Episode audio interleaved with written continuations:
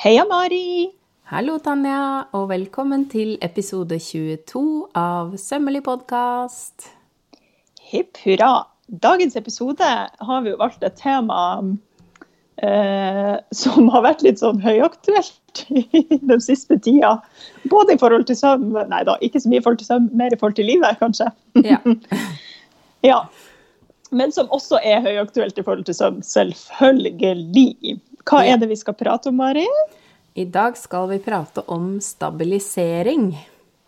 Nydelig, nydelig ord. Det trenger man ofte, og spesielt i, siste, i det siste, kanskje. Ja. Ja. Helt klart. I hvert fall vi trenger det. Ja, ja. Det har vært behov for stabilisering. Men når vi prater om stabilisering i, i søvnverden, da, så er det jo kanskje lurt for oss nå å bare få litt sånn klarhet i hva vi mener, i tilfelle noen sitter der ute og tenker ja vel, hva skal dette handle om? Um, finnes flere grunner til å ville stabilisere enten hele plagg eller deler av plagg. Mm. Og vi kan jo liksom nevne noen. Eh, en ting kan jo være liksom deler man vil ha litt stivere og mer krisp, som f.eks. en eh, ja, krage på en skjorte. Eh, eller deler der man skal ha knapphull. Der kan det være godt med litt ekstra stabilisering. Mm. Eh, du hadde også et eh, ganske godt eksempel da vi drodla i stad. Vil du ta det? Ja, altså Noen ganger så har man jo et stoff som er for tynt eller for mykt til det formålet man har sett for seg. Og da er det mm. mulig at man rett og slett bør på en måte bygge opp hele stoffet, eller strukturere hele stoffet for at det skal kunne passe til det plagget man har lyst til å sy, da. Mm. Ja. Og i, altså i skreddersøm så brukes det jo også ofte til å på en måte forme plagg og gi det en, ja, en tekstur eller en, et liksom uttrykk. Et spesielt uttrykk, rett og slett. Det er mm. så så eh, pretensiøs at jeg bruker ordet uttrykk når jeg snakker om stabilisering. det syns jeg er veldig fint. Og ja. det er jo egentlig en form for eh, manipulasjon av stoffene. For mm. å få dem til å oppføre seg annerledes. Og det kan jo bety så mangt. Men i dag så skal vi snakke om da stoffer i hovedsak, men også noen bånd og, og, eh, stingtyper som man kan gjøre, bruke for å bygge opp stoffet til ja. uh, å få mer struktur, da. Eller stivelse, ja. eller tykkelse. Yes. Mm. yes. Et annet eksempel jeg kom på bare sånn rett uh, fra hodet her nå mens vi prater, er jo at mange bruker, bruker også stabilisering når det er litt vanskelige tekniske ting man skal begi seg opp på, som å sy inn en glidelås i kanskje noe som er ikke er klipt trådrett, men på full skrå, da, si. Kan det jo være en, eh, et godt sted å bruke stabilisering for å få et godt resultat på den glidelåsen, f.eks. Ja, og, og, apropos det, så er det jo og Man vil jo kanskje noen ganger ha en stabilisering kun i en skråklipt søm uten at det er en glidelås der òg. Mm, hvis man ja. syns det er vanskelig å sy uten å strekke. Eh, ja. Og litt sånn på siden her, dette har vi nevnt før òg, og det er på en måte ikke direkte stabilisering, men samtidig et verktøy. Altså hvis man tilsetter stivelse i form av spray eller sånn Altså det er jo mange måter å stive opp et stoff på som ikke mm -hmm. er å mhm. stryke på noe, men uh, man kan jo også bruke spraystivelse for å sy noe ja. sammen for å gjøre jobben enklere. Ja. Og så skylle det av, og så er det tilbake til normalen. Det er jo på en måte også en form for stabilisering, men ikke i den formen vi egentlig hadde tenkt til å ta da. Nettopp. Nettopp. Mm. Og da, da, nå skal jeg komme med et løfte som jeg har tenkt å holde også. Fordi jeg har et kjempegodt eh, eksempel, eller eksempel Jeg har en sykt bra oppskrift på en sånn stivelsespray som man kan lage sjøl med potetmel. Kult. Den skal jeg lage og legge ut til, eh, til patronene våre. Nå, har jeg sagt det høyt. Da, dette skal jeg gjøre. Ja, jeg skal yes. skrive det ned. Potetmel. Ned. Tanja, potetmel. potetmel. Ja, for man kan, man kan, rett og slett lage en sånn uh, do it yourself, uh, liten stivelsesspray av potetmel, som man kan bruke til å ja, F.eks. når man jobber med chiffon og bare vil liksom stiva stoffet litt mens man syr, og så går det ut i vask. Mm. Helt genialt. Det er eh, Ja, det er et bra tips. Eh, yes. Og ja, og sømmer kan man jo også bruke som stabilisering, og det tenker jeg at det tar vi etter at vi har snakka om eh, de mest sånn vanlige, det man kanskje forbinder med stabiliseringsmetoder og stoffer. Hva tenker du Ja. om det? Ja. Det tenker jeg høres fornuftig ut. La oss, la oss liksom gå på de mest eh, Ja, de vanligste først. De som folk flest sikkert kjenner, hvis det skjer. Og det er jo type limstoff. Og der må vi være flinke her nå, syns jeg, og eh, differensiere. Ja. Eh, limstoff fra fliselin. Ja, og så da er det jo eh, den klassiske typen fliselin, som er eh, på en måte et sånt lagvis fiber i ulike tykkelser. Det er altså ikke vevd, eh, denne typen som eh, jeg nå først tenker på. Eh, den fins fra relativt tynn, og den er da sånn helt bare som en sånn tynn, tynn, tynn sånn fiberduk med Ja. limprikker på den ene siden, og da er det jo viktig at man kjenner på, Noen ganger så føles det som en sånn ruglete, nesten sånn prikkete overflate. Og på de litt tjukkere typene så kjennes det som en sånn glatt At du merker Du kjenner at det er en Ja, strøket på lim der, som et lag, ja. Mens den andre siden er på en måte kjennes mer som den fiberduken, da.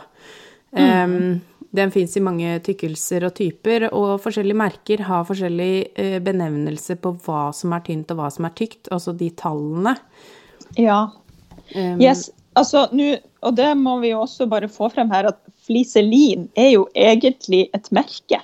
Ja. Det er jo ikke et type stoff, sånn sett. Men Nei. de har på en måte såpass monopol på i, i, denne, i akkurat det segmentet av sying at de, alle sier jo fliselin til Og så vet man hva man snakker om, at det er liksom denne fiber, fiberduken med lim som man stiver av med. Ja. Som man stryker på. Men, eh, men fliselin er egentlig altså et merke. Mm. Eh, og de opererer med sånn 120, 180, 160, 200-tall. Mm. Og da- 250 er vel det som, er, som blir veldig stivt, sånn nesten Ja. som et papirark. Nettopp. Ja. Ja. Så de, det eh, hvis jeg kjøper Liselin sjøl, det jeg bruker mest da, er 180, Ja. faktisk. For det er liksom her. den vanligste. Ja. Ja, samme her. Nå skal det nevnes at jeg bruker veldig lite limstoff, for jeg, Ja. ikke, jeg liker ikke så godt å tilsette eh, noe ekstra. Eh, Men den fins jo også i, for det var jo den eh, på en måte fiberdukaktige. Men så fins den jo i stretch, og da har, er den jo Da er jo limet satt på et strikka stoff, som også er tynt. Ja. Og så fins det jo den til skreddere eh, som har sånne streker Altså sånn Det er vel på en måte sømmer som gjør at man kun kan strekke den i én retning, og så er den helt stødig den andre veien. Ja, Eh. mm, Den vet jeg ikke om jeg har vært bortpå, faktisk. Nei, jeg husker Nei. ikke hva den heter. Det var veldig klønete at ikke jeg sjekka det på forhånd. Men, eh, men den er i hvert fall fordi de, den fiberduk-typen fliselin, den kan man jo dra ut av fasong veldig lett. Ja, Fordi ja, den ikke fysisk har noe som holder igjen. Ja. Eh, mens den der mer stødige, som har de sømmene, der, der kan man jo ikke dra den veien hvor de Mm. sømmene går, da. Eh, Eller om det er tråd, det husker jeg faktisk ikke, fordi jeg, ja, jeg bruker veldig Ja. lite sånt. Eh, Men hvis man Fordi de her, dette er jo syntetiske materialer. Eh, Ja. Og hvis man er mer der at man vil ha noe naturlig, så har man jo den som kalles solidot. For, eller jeg kaller den solidot, men det er da Du type lerret med lim på. Ja, som også for da pleier, jeg bare, da pleier jeg bare å si limstoffet. For da Ja. er det et, liksom stoff, et vevd stoff Ja. eh, som har et limlag på seg. Men, eh, men for Solidot, er det, det er jo da også en, en sånt klassisk eksempel på et merke som har Ja. blitt et bruksnavn. Ja. Mm. Men det, jeg har liksom alltid kalt det solidot, så det Ja. Ja. Ehm, og så, når vi først er på det, nå skal jeg, ikke, nå skal jeg prøve å ikke glemme noe her. Ja. Eh, da er det jo um, flisofix. Som er Ja. eh, rein Altså det er kun lim som du legger imellom to stoffer. Men det kommer med papir på Mm. Begge sider. Ja. Ja. Veldig vanlig hvis man skal applikere noe eller liksom, ja, sy Mm. noe oppå noe annet, så kan man liksom stabilisere det imellom seg. Ja, og da kan man jo også bruke sånn limpenn. Det er jo blitt ganske vanlig egentlig å bruke i stedet for. Litt mindre Ja. styr. Og det må jeg ærlig innrømme at eh, jeg blir svett. Fordi, eh, Og her er vi ganske like, da. Du liker jo ikke å legge til ting. Mm. Og jeg tenker at klarer du ikke å sy det uten å lime det sammen først, så gjør du det ikke. Der er jeg. Ja. Sånn, nei, da må du øve deg på å sy.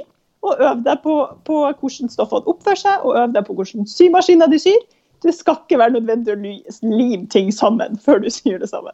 Det er jo det jeg er så glad i med deg, Tanja, at du er så prinsippfast.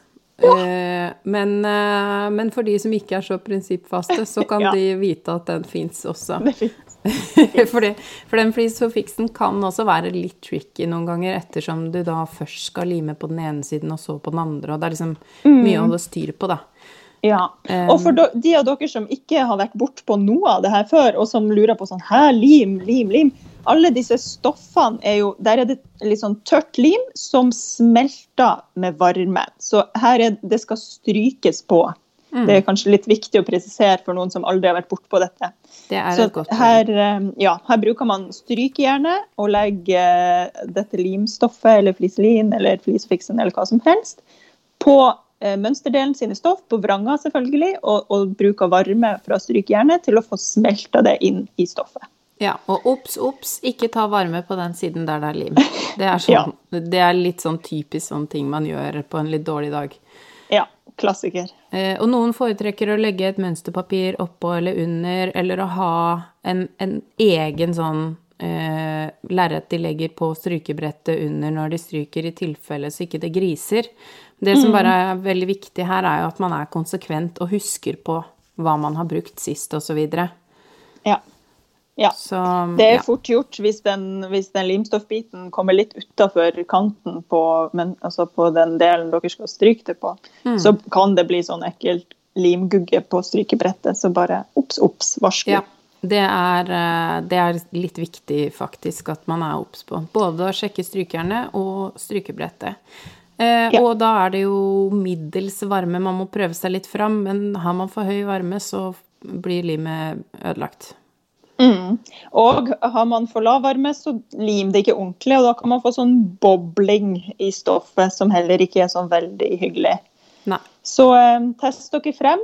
Eh, og jeg tror vel at vi kan være enige at tålmodighet er noe man må ha her for å, Ja. for å få best resultat. Ikke for lenge, ikke for kort, og så må du liksom være tålmodig med hjernen. Ja, og ikke dra i noen ting. Press rett ned. Ja. Eh, Jeg syns det er greit å begynne på midten og jobbe meg ut til sidene, men jeg prøver uansett alltid å jobbe meg nedover og ikke bortover på en måte med hjernen, da. ja. Her finnes det jo sånne egne presser som man bare legger alt inni for Det har ikke jeg, men, eh, men det vet jeg Nei. mange bruker. Ja, det har ikke jeg heller, men eh, de virker jo veldig uh, kule, de. Ja, Ja. de er veldig gode, og de uh, fins ofte på Finn fordi at veldig mange arver det etter noen, og så skjønner de ikke Mm. hva de skal bruke det til, og legger det ut til veldig billig. Ja, Ja. nettopp. Så er det jo i samme familie eh, Solvuflis, som er en vannoppløselig fiberduk som man f.eks. kan tegne et motiv før man syr, hvis det er noe man syns er vanskelig å gjøre på fri hånd. Så syr man oppå der, og så kan man skylle det bort. Ja. Så det er jo da ikke en stabilisering, men i samme familie. Et slags sånn søskenbarn til alle de andre fliselin-produktene. Ja, så vi liker jo å være inkluderende her, så vi syns at den også måtte få lov til å bli med. Alle skal med. Ja. OK. Det er jo en måte å gjøre det på. ikke sant? Eh, Stryk på et sånn type stoff som har lim på seg. Men du har jo uttrykt at du er ikke en fan av dette. Jeg er sånn ja, middels fan. Jeg setter jo veldig pris på de andre metodene fordi det er mer eh, Hva skal man si? Litt mer sånn gammeldags håndverk. Disse produktene her med lim er jo litt mer sånn moderne. Så vi har også andre alternativer der ute. Og den mest sånn vanlige er jo kanskje det med å doble stoff med et annet stoff. Mm. Eh, Fins mange ulike ting man kan doble med. Man kan jo altså, man kan doble med hva som helst, egentlig. Men sånn bare som et eksempel fra couture-verden, da, eh, er jo organza en klassiker. Silkeorganza. Ja. Og for de Ja. som ikke vet hva organza er, så er det da et stivt stoff. Eh, De fleste har sett det, altså et stoff som er da sånn eh, ganske struttende og har mye spenst i seg. Mm. og den fins i syntetisk òg, men det er definitivt eh, silkeorganzaen som er eh, liksom best på det å gi spenst. Og den fins jo selvfølgelig i forskjellige mykheter og tykkelser. Ja, absolutt. Alt fra helt sånn veldig, veldig stiv til eh, ja, nærmest som en chiffon, litt sånn tjukkere chiffon, på en måte. Mm. Ja. Så det er jo et gjennomsiktig stoff som regel, da, mer eller mindre gjennomsiktig. Eh, sånn at det minner om chiffon, bare at det er helt stivt. Yes. Organza, altså, dere. Nå, nå, Der er jo utrolig mange tips og triks for hvordan man skal bruke organza, men det tror jeg vi kanskje må ha en egen episode om i så fall. Fordi, fordi nå går vi bare liksom gjennom de ulike måtene å stabilisere på. Ja, og jeg må jo bare skyte inn også at organza er et av mine favorittmaterialer, eller ikke materialer, men stoffer. Ja. Eh, Det er så gøy at det kan være så Det kan se så pent og skjørt ut, og samtidig liksom ha så mye kraft i seg. Eh, og det er jo veldig, kan jo være veldig pent å legge det lagvis. Så da kan man jo f.eks. legge da den stive organzaen. Ettersom den er eh, transparent, så kan man jo eh, legge den på innsiden av en chiffong, f.eks. en Ja. krage, uten at det vil se ut som man har tilsatt noe. Og det er jo ganske kult, syns jeg. Det er jeg helt enig i. Og hvis man jobber med et stoff man ikke kan uh, stryke altså sånn, stryk på, hvis du Ja. ikke kan bruke varme for å klistre på noe, som f.eks. en kjempefin fløy eller en silkefløye, Mm. doble med organza. Mye bedre. Mm. Og da kan man også tenke, for den er såpass tynn at uh, blir det ikke stivt nok, fordi sånn som fløyel er jo ganske tungt. Blir det ikke stivt nok med ett lag, ja, da kan du kjøre på med ganske mange lag før det begynner å bygge uh, i tykkelsen, da. Ja. Ja. Så det er gøy. For eksempel skal man ha en ekstrem puff eh, på ermet eller et Ja. annet sted. Eh, og her kan man også bruke tyll hvis man ikke har tilgang på organza, men det er jo syntetisk, da. Eh, Men tyll i forskjellige stivelser er jo også eh, Kan jo på en måte brukes på samme måte som organza. Ja. Mm. Yes. Og når vi er inne på det her med, med å stabilisere med andre typer stoff, så må vi jo nevne eh, herreskredderi og bespoke tailoring og sånt. Slikt snacks. Ja. Em, der de helt bevisst bruker lag på lag med stabiliseringsstoffer inni dressjakkene for å lage en form på, på disse dressene. Og da er det De bruker da type canvas inni. Eh, ulik, det finnes altså der mange ulike typer tjukkelse og stiv, stivhet og whatnot. Og de kaller eh, I hvert fall én av disse heter horse hair canvas. ja. Eller hestehårslin er det vel, mener jeg vi Ja, eh, har Det kalt norske, jo, det. godt norske uttrykket. Ja, eller man, hvis man Ja, sier det- stoff med hestehår, så skjønner på en måte den i butikken hva det dreier seg om. Ja. Ja. Yes, og det, De er litt artige, fordi de har på en måte sånn, Det er akkurat som at de eh, hestehårsfibrene de blir som sånne små kroker, nærmest. Så, så det, hvis man har det mot et ullstoff, så er det akkurat som at det liksom, de krokene hekter seg fast i ullfiberet, sånn at den ikke flytter seg. Og så syr man det jo selvfølgelig Ja, på en Ja. måte som en borrelås. Men så syr man det jo selvfølgelig også eh, til med sånne pikeringssting. Mm. Ja. Det får man vel gå mer inn på på håndsøm eh, ved en annen anledning, men det er jo ganske nydelig å se på. Og der tipper jeg jo at eh, vår mann eh, Magne, han har vi er nødt til å snakke med han om Vi må snakke med han, en eller ja. gang. For de som Ja. ikke vet hvem Magne er, eh, han kommer dere til å høre mer om, for han er eh, herreskredder som er Mm. veldig flink. Ja. Og jeg har også en fantastisk venninne som, som eh, driver med nettopp dette her med bespoke tailoring. Unn. Herregud, altså ja. Pikering er liksom hennes yndlingshobby, tror jeg. I tillegg til håndsydde knapphull. Så der, eh, vi har mange vi kan prate om sånn snacks med etter hvert. Ja, og det, det får vi komme tilbake til når vi har eh, selvtillit og ressurser til å begynne med intervjuer. Og det kommer. Vi yes, lover det. Det kommer. Vi lover. Ja. Men du, har du prøvd sånn uh, hestehårslin sjøl?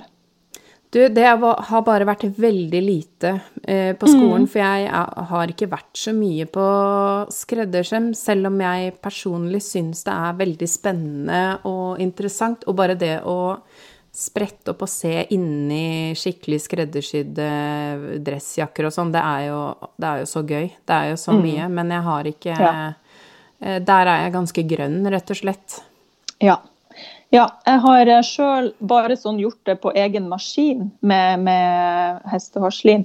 Jeg har, jeg har bl.a. en sånn kåpe, en ullkåpe som jeg sydde da, i min pure start før jeg ble lærling. Og, sånn. og der tenkte nybegynner-Tanja at hm, der skulle hun teste. Så jeg har, jeg har faktisk eh, dobla hele kåpa med hestehårslin og Oi. kjørt pikeringssting på hele, hele skitten. ja, du er jo ikke Du er jo ganske ambisiøs, da. Det er jo ja, det, eh, det var litt ambisiøst. Si, jeg må si jeg er imponert over den eh, læringskurven din, hvor utrolig bratt den har vært. Ja, ja, til tider ganske bratt. Men det var veldig gøy, så det, er anbefaler det. Og senere har jeg også brukt det litt sånn i, i, i dressjakka hvis man har slag og krage. ikke sant? Det er kjempefint. for det man gjør med den canvasen nå, er at, eller ja, det line, hairshaw canvas, whatever, um, er jo at man faktisk gjennom å pikere, at man formgir slagene. Så man gir de den bua formen. Uh, det er jo en teknikk. Men ja, mm, apropos. Det er veldig kult, og vi kunne ha snakka masse om det, men da kjenner jeg at eh, da skal jeg først dypdykke litt og bli litt god på det først, så jeg vet hvilke spørsmål vi skal stille til de som virkelig kan ja. det her. Ja, det er viktig, viktig. Vi må forberede oss på disse intervjurundene som kommer. Ja, så det eh, Men det er i hvert fall én måte, at man må jo ikke stryke det. Man kan eh, sy Også med sånn pikeringsting kan man jo finne det eh, vil jeg tro at det er relativt enkelt å finne videoer på på YouTube, f.eks., eller ja. finne de Vi kan legge ut på Instagram eh, profilene til eh, og Una Magne, da. Ja, så mm. er det godt mulig at de viser litt teknikker der også. Det ser jeg for meg at jeg kan ha sett. Ja, enig. Mm. Yes. Ja. OK. Fordi, ja, Unnskyld nå igjen, en liten innskytelse her. Fordi dette med organser også man hvis man ser i sånne klassiske Chanel-jakker, mm. så er det jo de dobla med organza veldig ofte. Og da er liksom hele jakka dobla med organza med pikeringsting. Ikke Apropos. sant. Ja. Ja. det er ja. morsomt. Gøy, gøy, gøy. jeg er nok ikke helt Altså, i et annet liv så skulle jeg veldig gjerne vært en som, som kunne gjøre det. Men jeg er redd jeg ikke er tålmodig nok til det.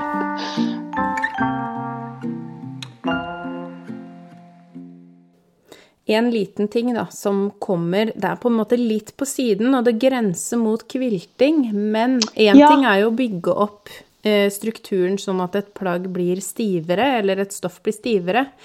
Men så er det jo også det å eh, bygge det i tjukkelsen. Altså, mm. det fins jo både vatt man kan stryke på, eller bare legge bak. Um, mm. Vatt eller andre stoffer. Uh, varmeisolerende stoffer. Eh, mm. Det er jo mange måter å bygge på, så man kan jo også f.eks. i en jakke som man vil ha varmere inni Det fins jo sånn Det ligger også i innleggsstoffavdelingen en sånn, eh, et sånt varmeisolerende eh, Ganske sånn tynt og fluffy. Det er overraskende at det er så varmt, men det, jeg tror dessverre ikke det er 100 ull heller. Men som det da er vanlig Nei. å legge over skuldrene, f.eks imellom fòret og selve plagget. Så sånne ting kan man jo også eh, Det er jo også en type stabilisering, fordi at det vil jo gi en, eh, et mykere utseende på et plagg. Selv om det da mm. også gir varme, da. Så da kan man, det kan man også gjøre på heler eller deler av stoffet. Så ja. i forhold til stabilisering så kan man jo i prinsippet legge hva som helst på undersiden av stoffet, så lenge det gir den effekten man er ute etter. Mm, ja. Og der, der, eh, ikke sant? Her er vi, som du sa, litt sånn i grenseland. Mm. For der blir hodet mitt litt sånn Er dette stabilisering, eller er det mer vattering og liksom, og, og ja, som du sier, å bygge opp tjukkelse? Mm, ja. Litt sånn, ja. ja. Jeg lar den stå åpen. Det kan jo folk få lov til å vurdere sjøl. Det er helt på Eh, grensa, men det vil, ja. eh, det vil kunne gi en form for struktur, det også. Så det er jo Kan være greit å nevne at det er, det er på en måte en liten flik av det landskapet. Ja. Ja. Og og, herregud, nå kommer jeg på en ting til som jeg bare må få liksom ut. Eh, før vi går videre på, eh, på kanskje mer sømmer som, Mm. som lager eh, som stiver av. Og det er det med Det er så mange som spør ja, men hvor tjukt limstoff skal jeg bruke? Eller hvor liksom Ja, hvor Ja. stivt skal dette være? Og da jeg er litt sånn at jeg sier, vet du hva? Det er opp til deg og hva slags uttrykk du vil ha i dette plagget. Ja. Altså, jeg føler at det er så lett. det. Vil du ha en dritstiv eh, skjorte med dritstive snipper, liksom, for det skal være sånn stivpynt? Ja, rett og slett stivpynta. Er det her stivpynta kommer fra? Nei. Men, eh, men, eh, men ikke sant? Skal, man, skal det være en skikkelig sånn eh, smokingskjorte, eller skal det være en chill hawaiiskjorte? Det vil jo da gi deg en pekepinn på hvor stivt ting skal være. Ja. Og for eksempel, eh, og det som kan være greit å huske på, for det er veldig fristende å kjøre på med det stiveste, eh, og det kan noen ganger få sånne knekker i seg, som er veldig vanskelig å kvitte seg med. Eh, Sånn at jeg syns det er bedre å gå for en litt tynnere enn det man tror. Det er meg personlig, jeg er jo ikke så veldig glad i å stive opp stoffer i det hele tatt. Mm. Men for eksempel da, hvis man da syns at en skjortekrage blir litt for stiv, så er det jo sånne små eh, nesten spiler som man kan putte inn i akkurat spissen for at Ja. den skal ligge rett. Og det tar oss jo litt grann over egentlig på det neste Hva Nettopp, mener du nettopp, om det? Var det en flytende overgang? Det, var- det var en veldig smooth overgang. Da går vi videre til, til en annen måte å stive av på. Så da tar vi spila først, rett og slett. Mm. Det har jo sikkert, eh, eller det vet vel de fleste hva er, det er jo rett og slett eh, ja, stive, mm, tynne Det er på en måte pinner eller bånd eller uh, buer Altså, de har jo noen ganger også en helt konkret form, sånn som bh-spiller. Ja, Nettopp. Som da skal stive av deler av plagg. Mm. Eh, I korsett finner vi det. Vi finner det, ja, som du sa, i BH. Vi finner det i eh, ja, som den lille skjortekragesnippen. Har du noen flere gode eksempel hvor man kan få inn litt uh, spila? I skjørt, altså hvis man vil ha ja, sånn Ja, krinolin. klassiker krinolin. Ja, Mhm. nettopp. Mm. Det er jo da sånne svære barokkskjørt. Ja, så ser det ut som en lampeskjerm. Ja. Yes. Og i eh, dagens moderne samfunn kan man jo få spiler på rull i plast. Mm. Eh, tradisjonelt sett, back in the day, ble det laga av fiskebein, altså hvalbein og tre. Mm. Og så finnes det jo alt innimellom der. Altså, det finnes Metall, stål. Ja. ja. Mm.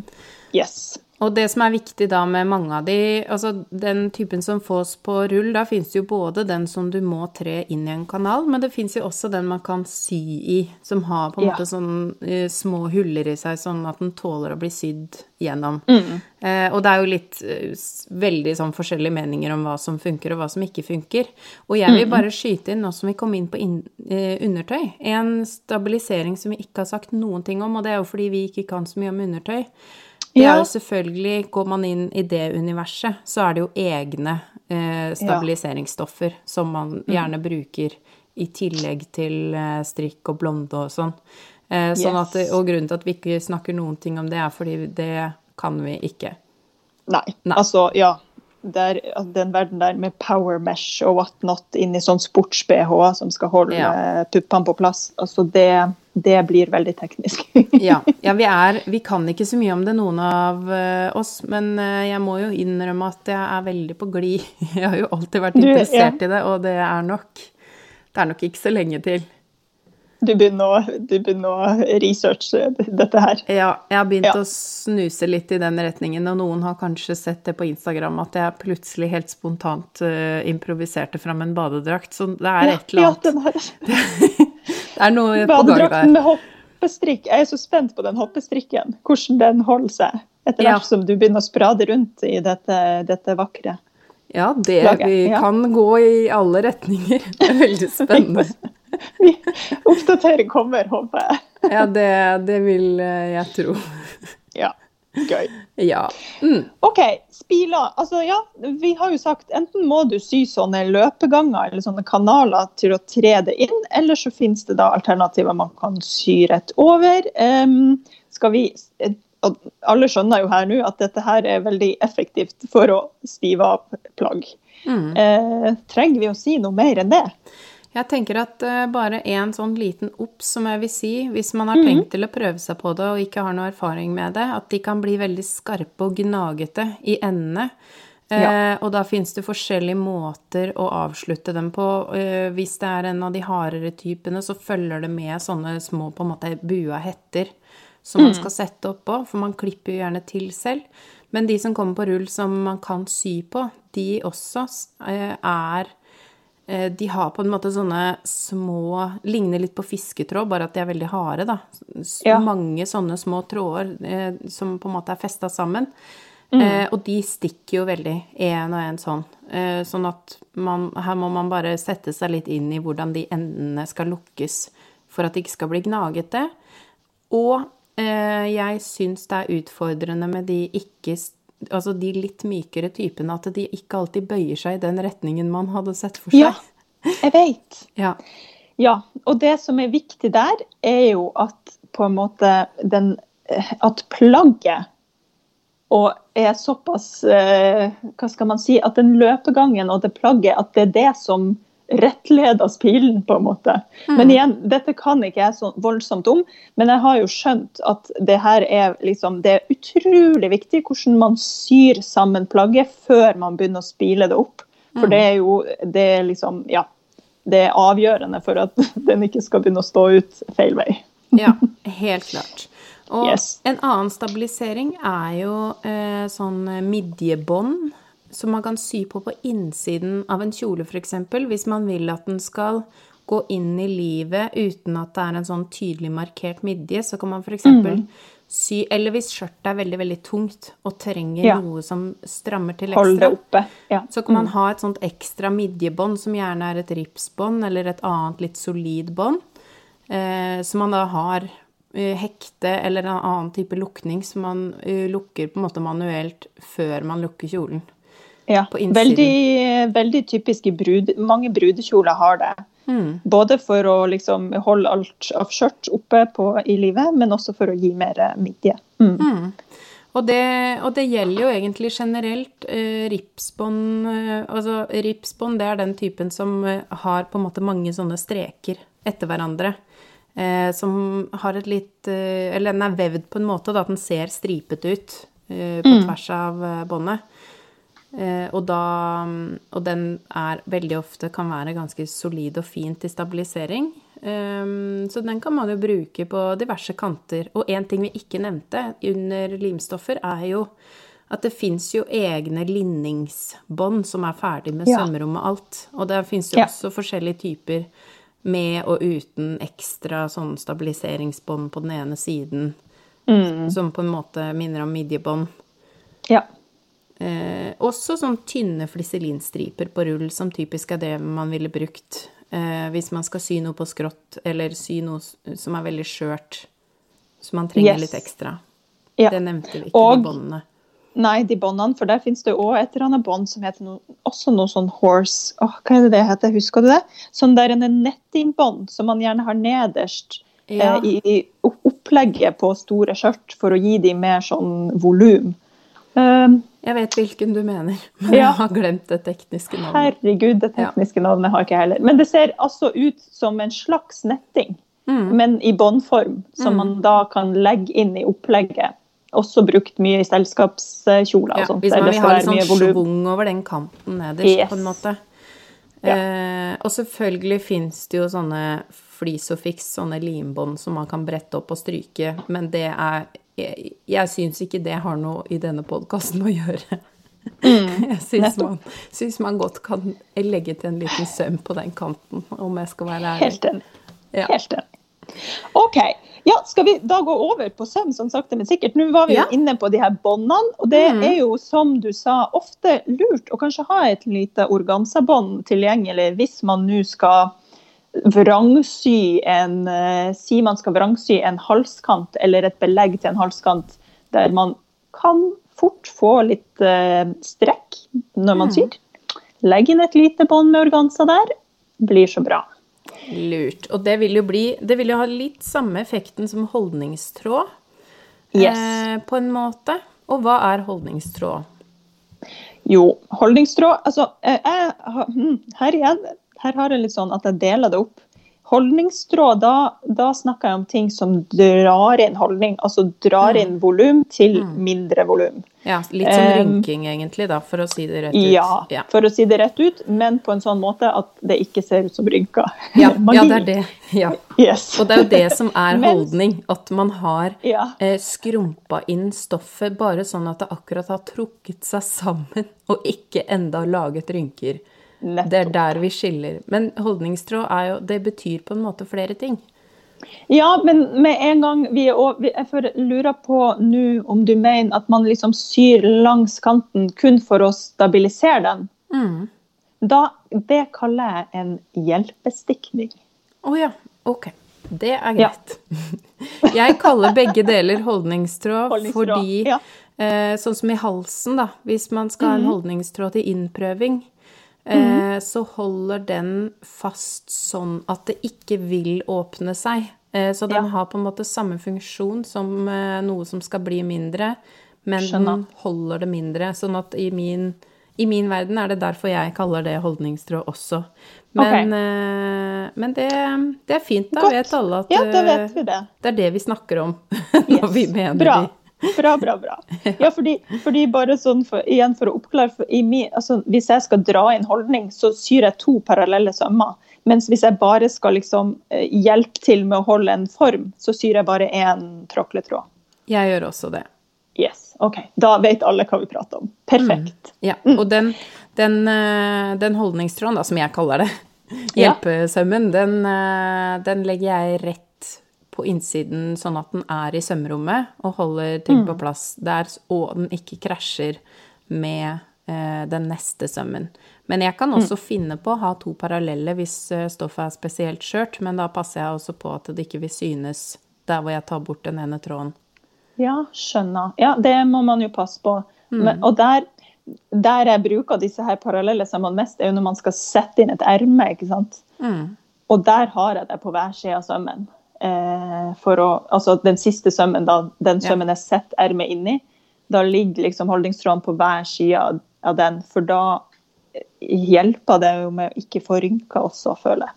Ja, det er jeg enig i, og, da, og den gjør jo at, den, at rynkene ligger rett imellom de to sømmene, sånn at du har kontroll på hvordan stoffet legger seg på begge sider. Yes. Ehm, Nå, havna vi langt ut på, ut på litt- holdningstoget her. ja, det er en type stabilisering allikevel. Og Ja, apropos det, det.